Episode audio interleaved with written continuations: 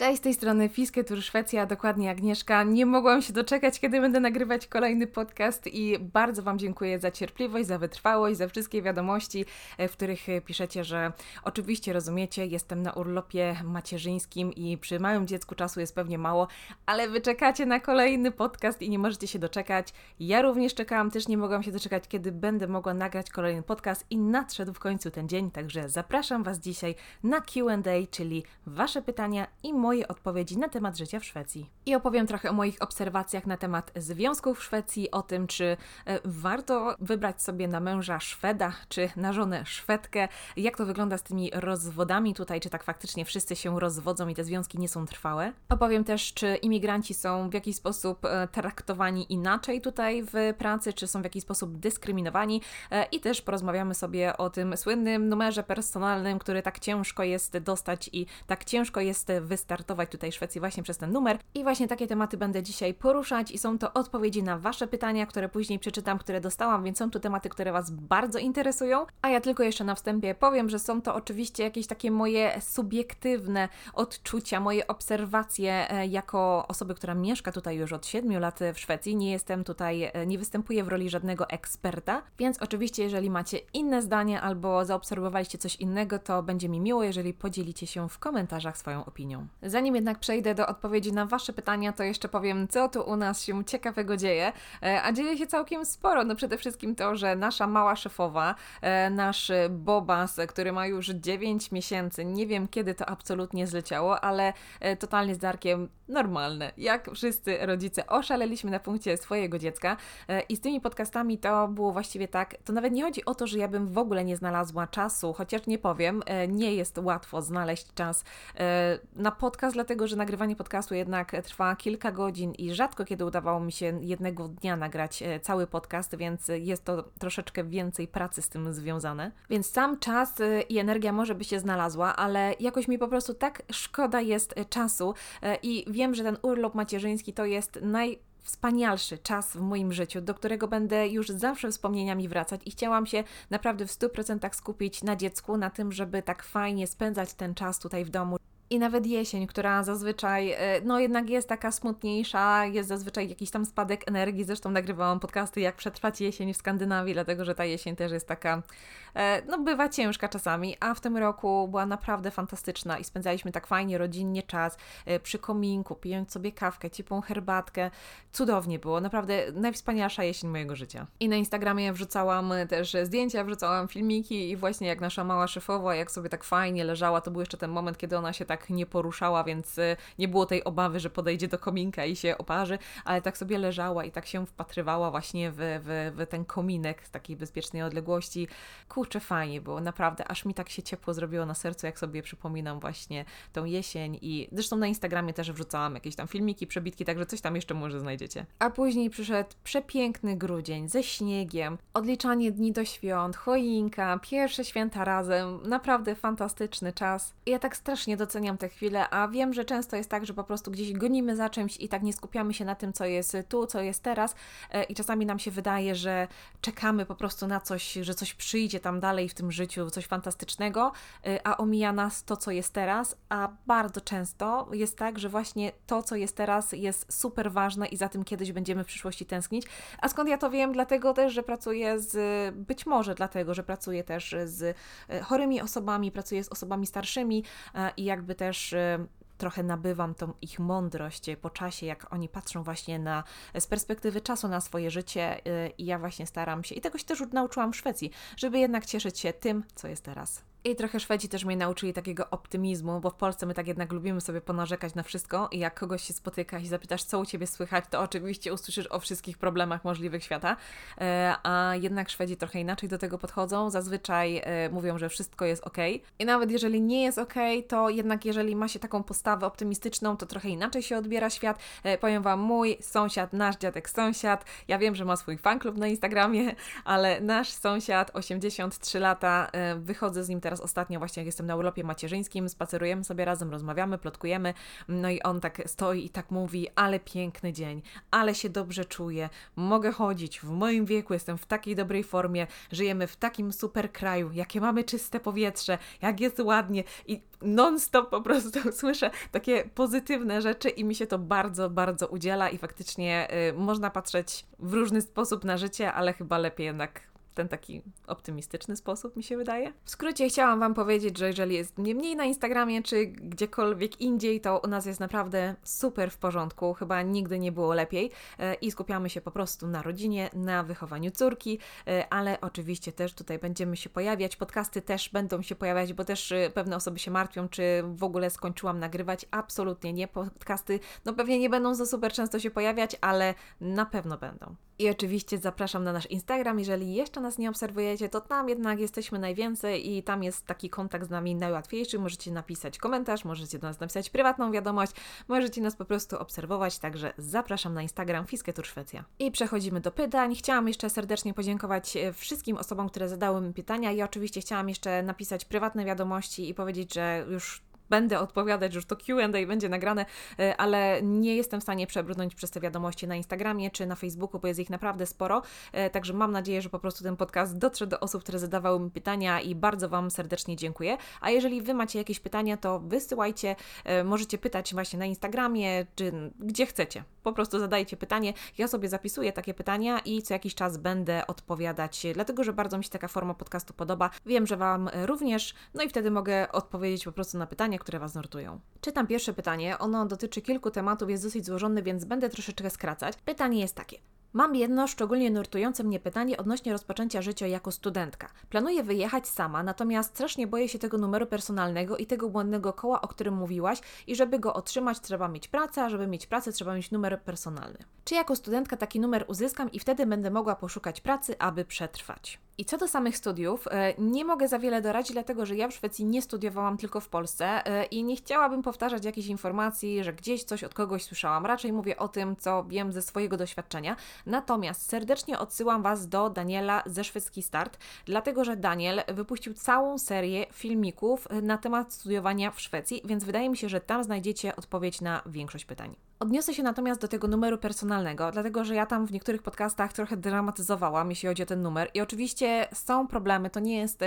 Czasami jest łatwo go dostać, czasami nie. To bardzo zależy też od sytuacji, od takiej indywidualnej sytuacji danej osoby, mi się wydaje. Ja na przykład numer personalny dostałam naprawdę bardzo szybko. Ja w ogóle po przeprowadzce do Szwecji y, nie aplikowałam o ten numer, dlatego że pracowałam w Norwegii. Ja tam miałam numer y, i no, nie planowałam, szczerze mówiąc, mieszkać w Szwecji, więc myślałam, że ten numer nie jest mi do niczego potrzebny. Ale w momencie, kiedy stwierdziłam, ok, jesteśmy tu, e, możliwe, że dostanę pracę, e, więc zaaplikowałam o ten numer i dostałam go naprawdę bardzo szybko. Ale na pewno fakt, że pracowałam w Norwegii, że miałam pracę na stałe właśnie w Norwegii, no miał jednak spore znaczenie i być może dlatego ten numer dostałam, więc ciężko jest mi powiedzieć. Wiem, że są osoby, które naprawdę sporo muszą czekać, żeby ten numer dostać, ale da się to załatwić, da się to ogarnąć. Można też starać się o tymczasowy numer personalny, który jest zdecydowanie łatwiej dostać i dopiero później starać się o ten E, numer jakby już stały, także tych możliwości trochę jest. E, I ja też e, na początku mówiłam o tym, że jest bardzo ciężko, dlatego że trochę z mojej perspektywy w ogóle ten start w Szwecji nie był taki łatwy, jak miałabym na przykład w Niemczech. Ja przyjeżdżając do Szwecji zrezygnowałam z naprawdę fajnych ofert, między innymi w Niemczech i w Polsce, więc to też nie było tak, że ja w Polsce nie miałam nic i przyjechałam tutaj i w momencie, kiedy na przykład w Niemczech miałam taką możliwość, że ktoś mi opłaca kurs języka, załatwia mi dokumenty, pomaga mi z przeniesieniem się, ze znalezieniem lokum, tak naprawdę ze wszystkim. Ja tylko mówię, dzwonię i mówię, tak, chcę przyjeżdżać i to było wszystko, co musiałam zrobić e, ze swojej strony. Więc wyobraźcie sobie w momencie, kiedy trafiam do Szwecji i tutaj nagle jest ściana, jest problem ze wszystkim, z numerem, z pracą e, i trzeba było się naprawdę mocno napracować, żeby sobie to życie tutaj ułożyć. E, więc dlatego też jakby ta moja perspektywa wpływa też na to, jak ja o tym numerze personalnych i o tych początkach e, niełatwych w Szwecji mówiłam. Niektórzy mają łatwo, niektórzy przyjeżdżają po prostu na gotowe, zostali gdzieś zrekrutowani przez jakąś firmę e, i mają, tak jak ja na przykład miałabym w Niemczech. E, także z tym bywa tak naprawdę bardzo, bardzo różnie. Nie zniechęcajcie się też, jeżeli chcecie przyjechać do Szwecji, to numer personalny nie powinien Was naprawdę zniechęcić, bo to się w końcu prędzej czy później da ogarnąć. Ja też też nie dramatyzowałam i narzekałam z tą pracą, że ja przyjechałam do Szwecji w ogóle ogóle no, ciężko jest ze wszystkim, że nie mam żadnych perspektyw, żadnej pracy. E, I wiecie co, ja teraz sobie tak wszystko przeanalizowałam na spokojnie i policzyłam, ile czasu ja byłam bez tej pracy, powiedzmy, bez tego wszystkiego.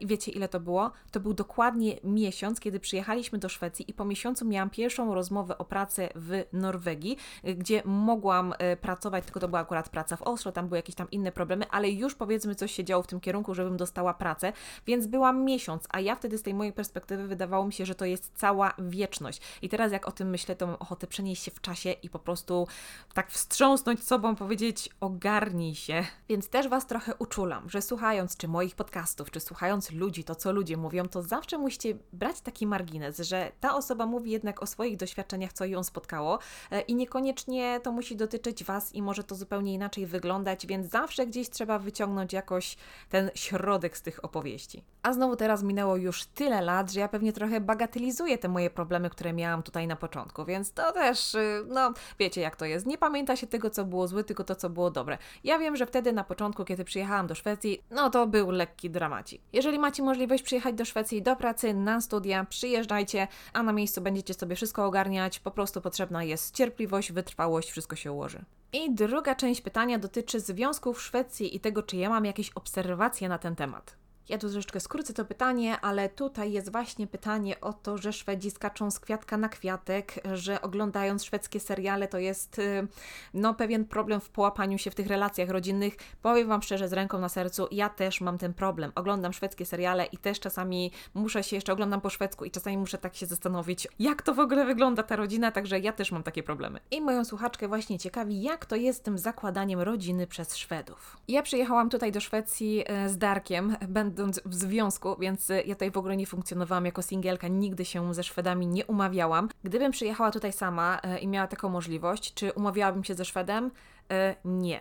Nie, oczywiście żarcik. Pewnie, żebym się umówiła. W ogóle bym się nie sugerowała ym, takimi y, stereotypami, dlatego że naprawdę w każdym kraju są różni ludzie. Y, ja oczywiście teraz wyjaśnię, z czego to wynika i oczywiście jest tym trochę racji. Rozwodów w Szwecji jest całkiem sporo. Nie będę porównywać statystyk między Polską a Szwecją. No w Polsce też coraz więcej y, małżeństw się niestety rozwodzi. W Szwecji dużo ludzi żyje też w związkach partnerskich, nie bierze ślubu, więc te statystyki tak nie do końca pokażą nam, jak wygląda sytuacja, ale faktycznie tych rozwodów e, jest e, całkiem sporo i wiele takich rodzin, które dzielą się opieką nad e, dziećmi, czyli dzieci mieszkają tak pół na pół, raz u jednego rodzica, raz u drugiego. No i to jest dosyć tutaj często spotykane. I my Polacy słyniemy jednak z takiego życia rodzinnego, że ta rodzina u nas jest najważniejsza, jest takim priorytetem.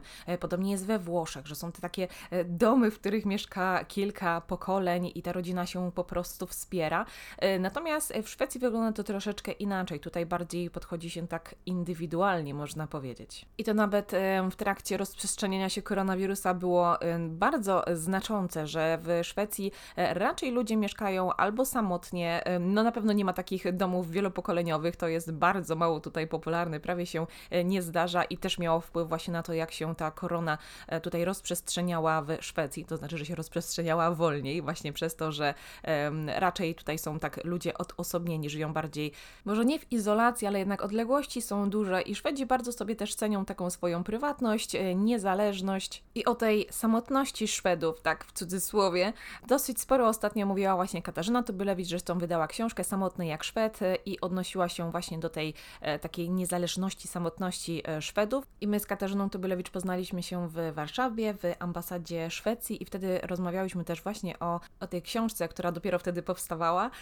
i o tym, że my też żyjemy tak trochę na uboczu i też jesteśmy tacy trochę samotni. Natomiast ta samotność, y, my Polacy rozumiemy samotność w takim negatywnym kontekście, natomiast y, w Szwecji wręcz przeciwnie się to odbiera. Także to jest naprawdę bardzo te ciekawy temat jakie są różnice odbieraniu tej samotności przez Polaków i przez Szwedów. I przechodzimy do małżeństw i to wszystko oczywiście się na tych małżeństwach odbija. I ja powiem o takiej jednej stronie medalu, bo na pewno to jest problem wielowymiarowy, a ja się odniosę tylko jakby do jednego aspektu. Na pewno w Szwecji przykłada się dużą uwagę do tego, jak czują się osoby w związku, jeżeli coś po prostu jest nie tak.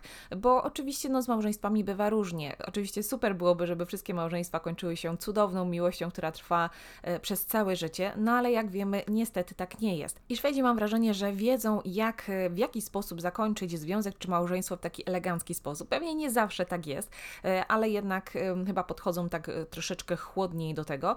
Potrafią podzielić się opieką nad dziećmi, rozdzielić jakoś majątek i układać sobie życie na nowo z innym partnerem. W ogóle nawet na początku związków, jeżeli nabywa się coś, nie wiem, ma się jakieś tam, nie wiem, kupuje się dom, bierze się kredyt, cokolwiek, e, to można zrobić sobie coś takiego, taki jakby ala podział majątku, czyli rozstajemy się i wtedy wiemy, mamy już zrobiony taki podział z pomocą jakiegoś radcy prawnego czy kogoś, kto się na tym zna i mamy po prostu już zaznaczone, e, kto co bierze, jak się wszystkim dzielimy. E, ja wiem, mało romantyczne, ale bardzo praktyczne i takie rzeczy w Szwecji też się robi. I teraz odwrócę trochę sytuację i powiem, dlaczego w Polsce mogłoby być więcej rozwodów, ale jest ich może trochę mniej i z czego to wynika. Warto się zastanowić, jaki odsetek jest takich małżeństw, które funkcjonują w Polsce tylko i wyłącznie dlatego, że jedna ze stron nie może odejść od partnera, dlatego że nie ma własnej pracy, nie ma oszczędności, nie ma takiej możliwości, dlatego że jest finansowo uzależniona od drugiej osoby albo w jakiś inny sposób, albo boi się reakcji rodziny, sąsiadów, po prostu rozwodzić się nie wypada i też wydaje mi się, że wtedy, jeżeli podejmuje się taką bardzo ciężką życiową decyzję, to też trzeba mieć jakieś wsparcie osób trzecich. Jeżeli tego wsparcia nie ma, to musi być to naprawdę bardzo ciężka decyzja e, i wydaje mi się, że dużo też takich małżeństw funkcjonuje, które może i chciałyby to małżeństwo zakończyć, ale nie bardzo mają jak. I teraz powiem Wam o czymś naprawdę bardzo smutnym, bo naprawdę serce się kraje, jak czyta się takie historie. Słuchajcie, nie ma właściwie miesiąca, żeby na e, grupach takich Polaków mieszkających w Szwecji e, nie pojawiła się jakaś informacja, prośba kobiety, która pyta, co ma zrobić, dlatego że żyje w Szwecji z mężem, partnerem, który, nie wiem, stosuje przemoc, ma problem z alkoholem, są tam jakieś problemy, ona by chciała odejść, są dzieci, nie wie co ma zrobić, e, nie ma rodziny, nie zna języka, nie ma pracy, nie ma żadnych szans, perspektyw, żeby się jakby oderwać od tego męża, żeby po prostu spakować się i wyjść z domu, dlatego że sobie sama nie poradzi, e, nie ma tego wsparcia rodziny, bo rodziny na miejscu nie ma, jest w obcym kraju i jest totalnym potrzasku, nie ma pojęcia co zrobić i nie wie, czy może prosić o pomoc e, jakieś służby w Szwecji, czy opiekę społeczną, bo boi się znowu, że wtedy może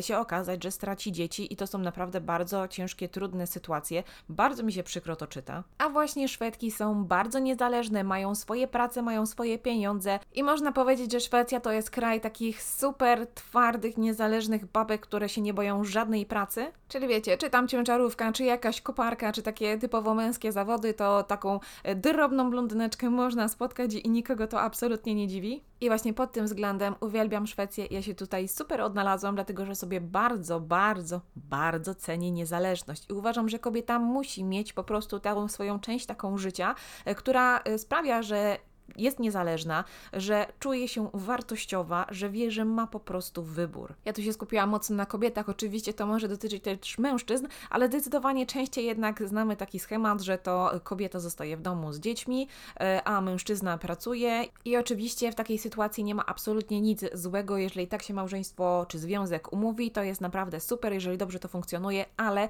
zawsze jednak ta druga strona musi mieć plan B, gdyby po prostu coś nie wyszło.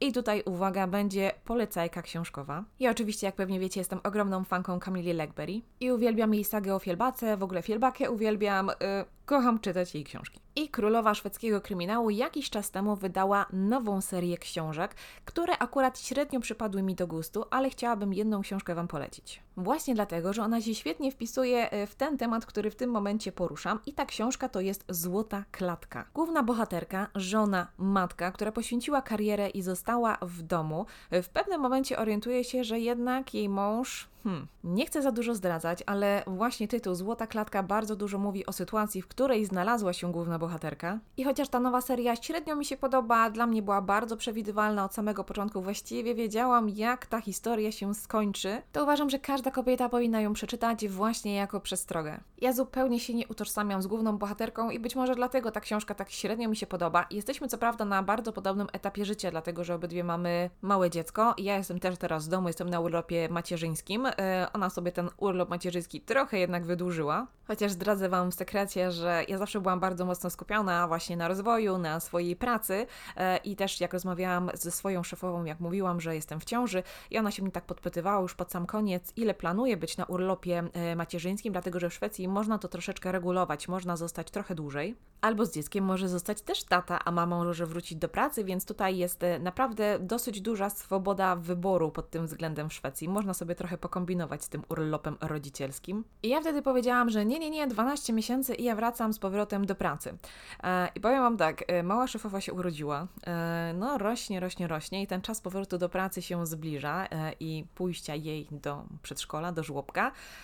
No i tu się zaczyna mały problem, bo ja wcale tak chętnie do pracy nie chcę wracać i w domu mi się bardzo dobrze z dzieckiem siedzi. Dlatego absolutnie rozumiem kobiety, które y, zostają dłużej z dziećmi, do pracy nie wracają czy rezygnują ze swojej pracy zawodowej, bo po prostu z takim słodkim bobasem jest się mega ciężko rozstać. Ale złotą klatkę Wam polecam, naprawdę y, warto sobie przeczytać, y, żeby sobie pewne rzeczy poukładać w głowie, zrobić ewentualnie jakiś tam plan awaryjny, tak po szwedzku, czyli tak na chłodno podejść do tematu. Tak, ja sobie już wyobrażam miny moich polskich koleżanek, kiedy mówię, o fajnie, tak, hajtasz się, ale pamiętaj, miej plan B. I rozdzielność majątkową i wiesz, jak się będziecie rozwodzić, to żebyś wiedziała, co jest twoje. No właśnie.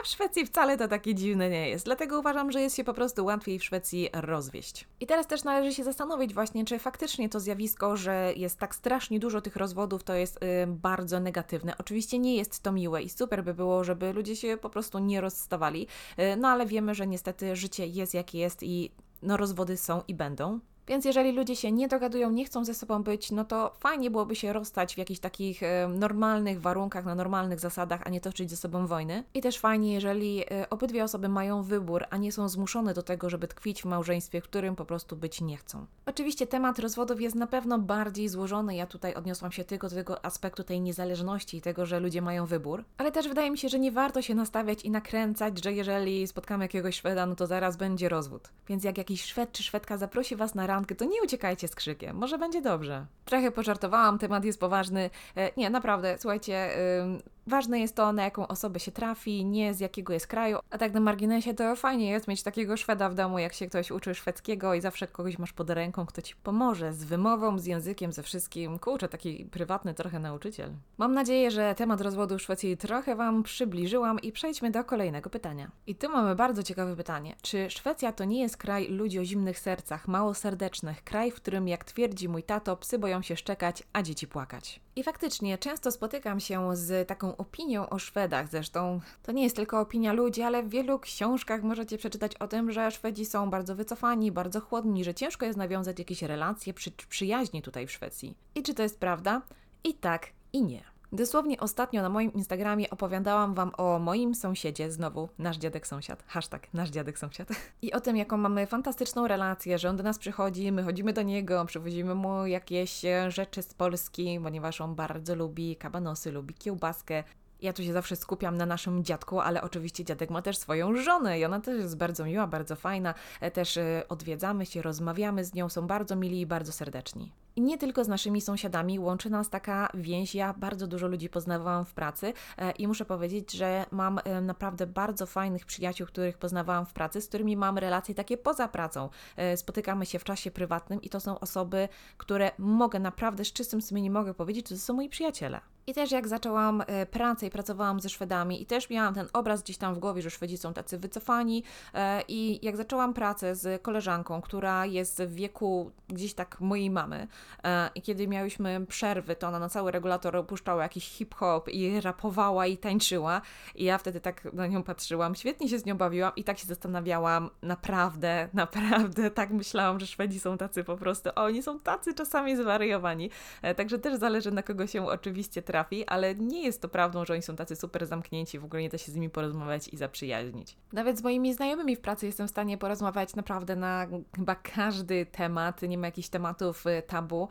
Zawsze mi chętnie doradzą i pomogą i Szwedzi mają w sobie też e, taką chęć niesienia pomocy innym. To naprawdę jest wyczuwalne na każdym kroku. Więc dlaczego mają opinię takich zimnych ludzi? Dlatego, że żeby dotrzeć do Skandynawów, żeby się z nimi zaprzyjaźnić, e, wydaje mi się, że potrzeba zdecydowanie więcej czasu, że ten dystans jest wyczuwalny zwłaszcza na początku. Nie z każdą osobą, bo oczywiście ludzie są różni, e, ale często jest tak, że na samym początku, jeśli się nie znamy, to jest pewien taki dystans i na początku faktycznie może być problem, żeby przeskoczyć tą barierę, żeby gdzieś głębiej wejść w tą relację, czy porozmawiać na jakieś takie e, tematy, nie tylko o pogodzie, nie tylko takie bezpieczne, tylko żeby dowiedzieć się e, czegoś więcej. Dlatego, że często od Szwedów e, tak na dzień dobry, jeżeli się nie znamy, nie przyjaźnimy się, to też nie dowiecie się do końca, co Szwedzi myślą, bo Polacy nie mają z tym problemu. Polak ci wszystko powie, jaką wyznaje religię, komu kibicuje, co uważa o polskiej polityce, a natomiast Szwedzi są pod tym względem zdecydowanie bardziej chłodni i raczej udzielają takich odpowiedzi grzecznych, takich, żeby nikogo nie urazić e, i tak może nie do końca zgodnych z tym, co myślą, ale z tym, co uważają, że powinni powiedzieć. Dlatego też e, wielu Polaków, którzy mieszkają w Szwecji, ale mieszkają, ale bardziej gdzieś tą głową jednak są w Polsce, nie wgryźli się dosyć mocno w to szwedzkie społeczeństwo, nie mają wielu przyjaciół Szwedów, e, tylko po prostu oczywiście znają Szwedów, ale łączą ich takie relacje, powiedziałabym, dosyć płytkie. Mogą odnieść wrażenie, że Szwedzi są chłodni, bo tak zdecydowanie wygląda początek relacji przyjaźni ze Szwedami. Szwedzi również nie pokazują tak po sobie emocji i e, ja byłam też tego świadkiem w takiej sytuacji, powiedzmy, w której my Polacy byśmy już pewnie uronili łzy albo zaczęlibyśmy trochę panikować, podnieśli głos, byli zdenerwowani. Natomiast obserwowałam Szwedów, a tam po prostu maska, opanowanie, byłam naprawdę zszokowana, że nawet w takiej sytuacji, powiedzmy, kryzysowej, są w stanie zachować e, taką zimną krew. Co wcale nie oznacza, że ta sytuacja ich w żaden sposób nie obeszła, nie przejęła. Nie, po prostu nie pokazują tych emocji na zewnątrz. Ja też muszę się trochę zgodzić z tym, że Szwecja może się wydawać trochę smutna. Ja nawet jak byłam y, ostatnio na urlopie w Polsce y, i spotkaliśmy się z rodziną, zrobiliśmy grilla i była muzyka i były śpiewy i dookoła też y, sąsiedzi imprezowali, bo to jednak w Polsce też tak żyjemy, sąsiad, sąsiad, sąsiad, wszyscy gdzieś tam dookoła są, nie ma takich odległości jak tutaj w Szwecji. I ja aż sama byłam po tylu latach mieszkania w Szwecji zszokowana, jak my się bawimy i głośno i radośnie i nas po prostu słychać. Dlatego Szwecja absolutnie Polakom może się wydawać trochę smutna. Mówi się w ogóle, że Szwecja to jest kraj idealny dla introwertyków. To co ja tu w ogóle robię? To jest w ogóle szokujące, że ja nie absolutnie nie jestem typem introwertyka, ale jakoś tutaj w Szwecji sobie daję radę. Ale jest naprawdę dużo y, w tym prawdy i na przykład Darek jest introwertykiem, on się fantastycznie w Szwecji czuje. E, ja się czuję dobrze, chociaż pewnych mi rzeczy tutaj brakuje, ale tak jak mówiłam, jakoś daję radę. A co do Szwedów, e, moim zdaniem, i wynika to też z mojego doświadczenia, nie są to ludzie o zimnych sercach i mało serdeczni, wręcz przeciwnie, ale trzeba troszeczkę zdrapać tą zewnętrzną warstwę bardzo często. I wydaje mi się też, dużo zależy od tego, gdzie się mieszka, czy jest to duże miasto, czy jest to małe miasteczko. I z jednej strony w dużych miastach ludzie są bardziej otwarci, chociażby na obcokrajowców, dlatego że to jest akurat nic takiego dziwnego, a z drugiej strony w takich małych miasteczkach, wsiach, czy w takich lasach, na przykład jak my tutaj mieszkamy, znowu ludzie też są bardzo otwarci dlatego że też pragną tego kontaktu z drugim człowiekiem, no i też sobie nawzajem tutaj musimy pomagać. No przecież jak się zwali drzewo, nie wiem, trzeba coś odśnieżyć, coś zrobić, no to potrzebne są ręce do pracy i musimy sobie razem wszyscy e, z tym poradzić, więc z drugiej strony tak ciężko jest mi powiedzieć, czy łatwiej jest właśnie w dużym mieście o nawiązanie kontaktów, czy w takim małym miasteczku. Ale to, co mogę Wam doradzić, to zdecydowanie cierpliwość, po prostu tutaj w Skandynawii nic nie dzieje się szybko, na wszystko potrzebny jest czas. To nie jest tak jak w Polsce, że tu sobie z kimś wypiję wódeczkę jesteśmy super już przyjaciółmi. Nie, tu trochę to musi potrwać, ale naprawdę da się ze Szwedami zaprzyjaźnić. Kolejne pytania dotyczą pracy w ochronie zdrowia. Ja może zacznę od pytania, które będzie takie najkrótsze, najszybciej będę w stanie na nie odpowiedzieć.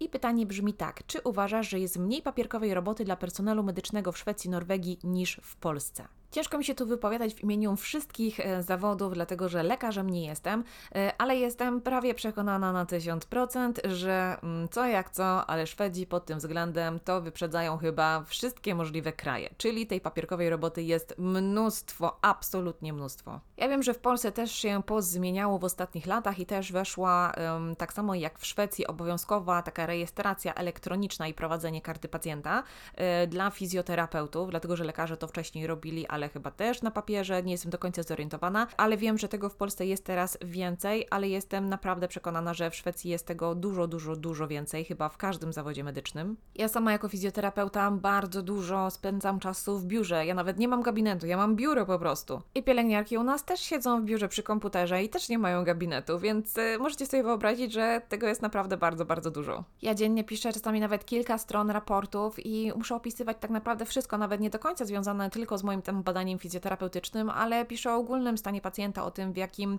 on był w ogóle nastroju, jak się zachowywał, naprawdę wszystko się w tym systemie raportuje. I ja również mam wgląd do tego, co piszą lekarze, co piszą pielęgniarki, y, mam całą po prostu historię pacjenta, więc y, mam tam bardzo, bardzo dużo informacji i z tego wynika też bardzo dużo plusów i ja powiem szczerze, jestem trochę fanką właśnie tego, że tak się sporo raportuje, y, bo w Polsce jest w ogóle tak, że jak trafia do Ciebie pacjent, to bardzo często albo się ma jakieś takie szczątkowe informacje z tego, co się działo wcześniej, z tym leczeniem wcześniejszym, albo nie ma się zupełnie nic i zaczyna się totalnie od zera i dlatego na przykład są takie sytuacje, że przychodzi pacjent do lekarza i dostaje leki i nikt się nie zastanawia, jakie ten pacjent leki już bierze, czy one wchodzą w jakieś interakcje i jak dużo tych leków łyka, bo w ogóle w Polsce bardzo dużo lekarstw zażywamy. E, natomiast Szwecji wszystko jest w systemie i lekarz od razu widzi, jakie ty leki zażywasz i ma w ogóle ogląd na Twoją sytuację. Bo w Polsce przychodzi się e, na wizytę, płaci się zazwyczaj prywatnie, bo przecież czekać w kolejce kilka miesięcy, no to nie wiem, kto może sobie na to pozwolić.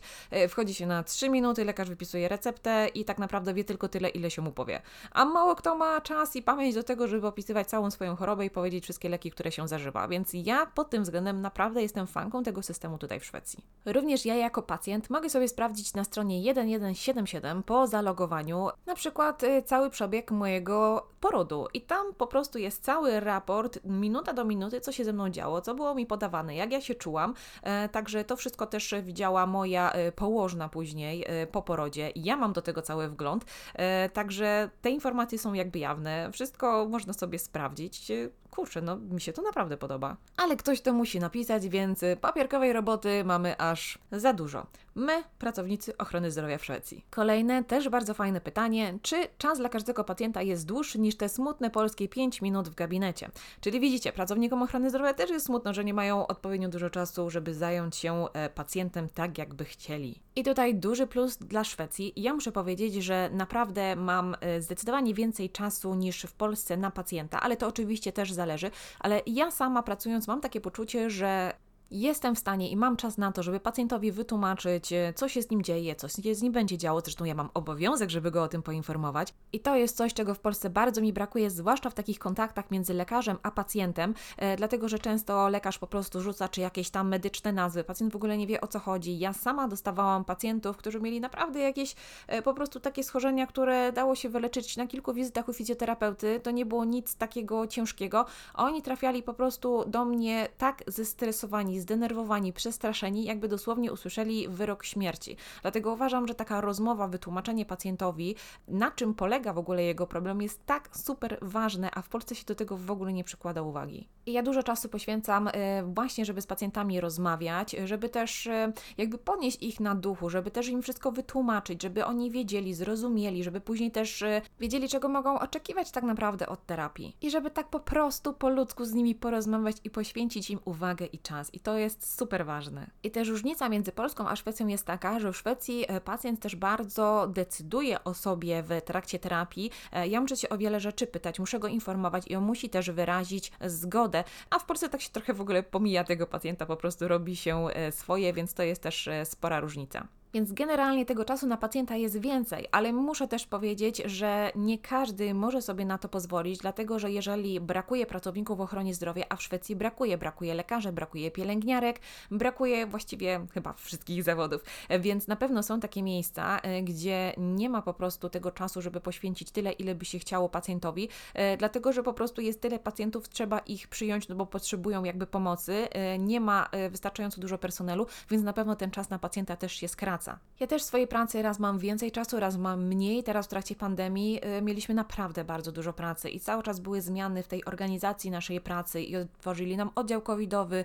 i były takie momenty, że musiałam się naprawdę strasznie uwijać. Momenty to były miesiące takiej ciężkiej pracy, że dostawałam pacjenta, musiałam szybko go zbadać, e, wystawić dalej do gminy e, informacje o pacjencie, bo ktoś na to po prostu czekał, więc miałam taki deadline, że musiałam to zrobić i naprawdę było naprawdę bardzo dużo stresu, bardzo dużo ciężkiej pracy, e, dużo chodzenia właściwie, biegania po ośrodku, więc z tym bywa różnie. No ale to jest jakby taka wyjątkowa sytuacja w trakcie pandemii, można powiedzieć, która no trwa już dwa lata, no ale jednak jest wyjątkowa, to nie jest normalna sytuacja i tak jak mówię, w momencie, kiedy jeszcze brakuje pracowników, no to czasami tego czasu na pacjenta jest zdecydowanie mniej. I kolejne pytanie brzmi tak, czy mogłabyś opowiedzieć, porównać, jak wygląda praca w ochronie zdrowia w Szwecji, czyli tak porównać e, Polska, Szwecja. E, I słuchajcie, ja na to pytanie odpowiem w tym podcaście, dlatego że to pytanie po prostu powinno zająć cały podcast. E, I to jest tak rozległy temat, o którym mogłabym mówić godzinami tak naprawdę, więc to będzie temat któregoś z przyszłych podcastów. I ostatnie pytanie na dzisiaj. Trochę mi jeszcze zostało, ale chyba to podzielę jeszcze na więcej takich odcinków, więc ja mam zrobioną taką tabelkę tutaj z pytaniami. Jak będziecie mi pytania wysyłać, to ja sobie tej tabelki wyrzucam y, i po prostu będę tak dzielić na kolejne odcinki, te QA i będę odpowiadać na Wasze pytania. I ostatnie pytanie brzmi: czy polskich medyków traktuje się tak samo jak nieimigrantów? Czyli rozumiem, że mam odpowiedzieć na to, czy y, ktoś dał mi do zrozumienia, że nie jestem Szwedką i traktował mnie w inny sposób. I to jest kolejne pytanie, na które można by odpowiedzieć, e, to zależy, bo to zależy bardzo dużo od tego, gdzie się trafi i na jakich ludzi się trafi. I z jednej strony ja e, czuję się bardzo doceniana e, na przykład przez swoich pracodawców, którzy uważają, że jestem dobrym specjalistą, którzy jak zobaczyli moje CV, to byli bardzo zadowoleni, że taka osoba im się trafiła i pomimo, że byłam z innego kraju, że byłam z Polski, a jednak ta praca w Polsce, a w Szwecji się różni, to dzięki temu, że po prostu miałam dobre doświadczenie w CV, że się cały czas rozwijam, to dla nich był to taki sygnał, że po pierwsze chcę pracować, chcę coś robić i też taki, że ja się w tej pracy dosyć szybko odnajdę, bo naprawdę sporo rzeczy też trzeba się na wstępie tutaj nauczyć. Więc tu z tej strony jakby nie miałam tego problemu, że czułam, że nie jestem Szwedką, że jestem traktowana w trakcie rekrutacji w jakiś inny sposób. I teraz powiem, jak to wygląda też ze strony pacjentów, bo to pytanie można by trochę y, podzielić właśnie y, na zasadzie, że kto może mnie inaczej traktować? Czy właśnie pracodawca, czy koledzy z pracy, czy pacjenci? I ze strony pacjentów absolutnie nigdy nie miałam żadnych przykrych sytuacji moi pacjenci są absolutnie fantastyczni, nigdy nie dali mi odczuć, że e, jestem z innego kraju i że jestem w jakiś sposób gorsza, czy nie wiem, nie było żadnych problemów. Wręcz przeciwnie, z ciekawością się pytali, z jakiego kraju jestem, mówili mi, co wiedzą o Polsce, podpytywali się różne rzeczy na temat e, mojego kraju. Żartowaliśmy sobie na temat języka, pytali, e, czy trudno jest się nauczyć e, szwedzkiego, czy polski język jest trudny. Także zawsze był to taki temat właśnie od razu na przełamanie lodów do dyskusji, że ja no nie jestem Szwedką, no to jakby ciężko ukryć.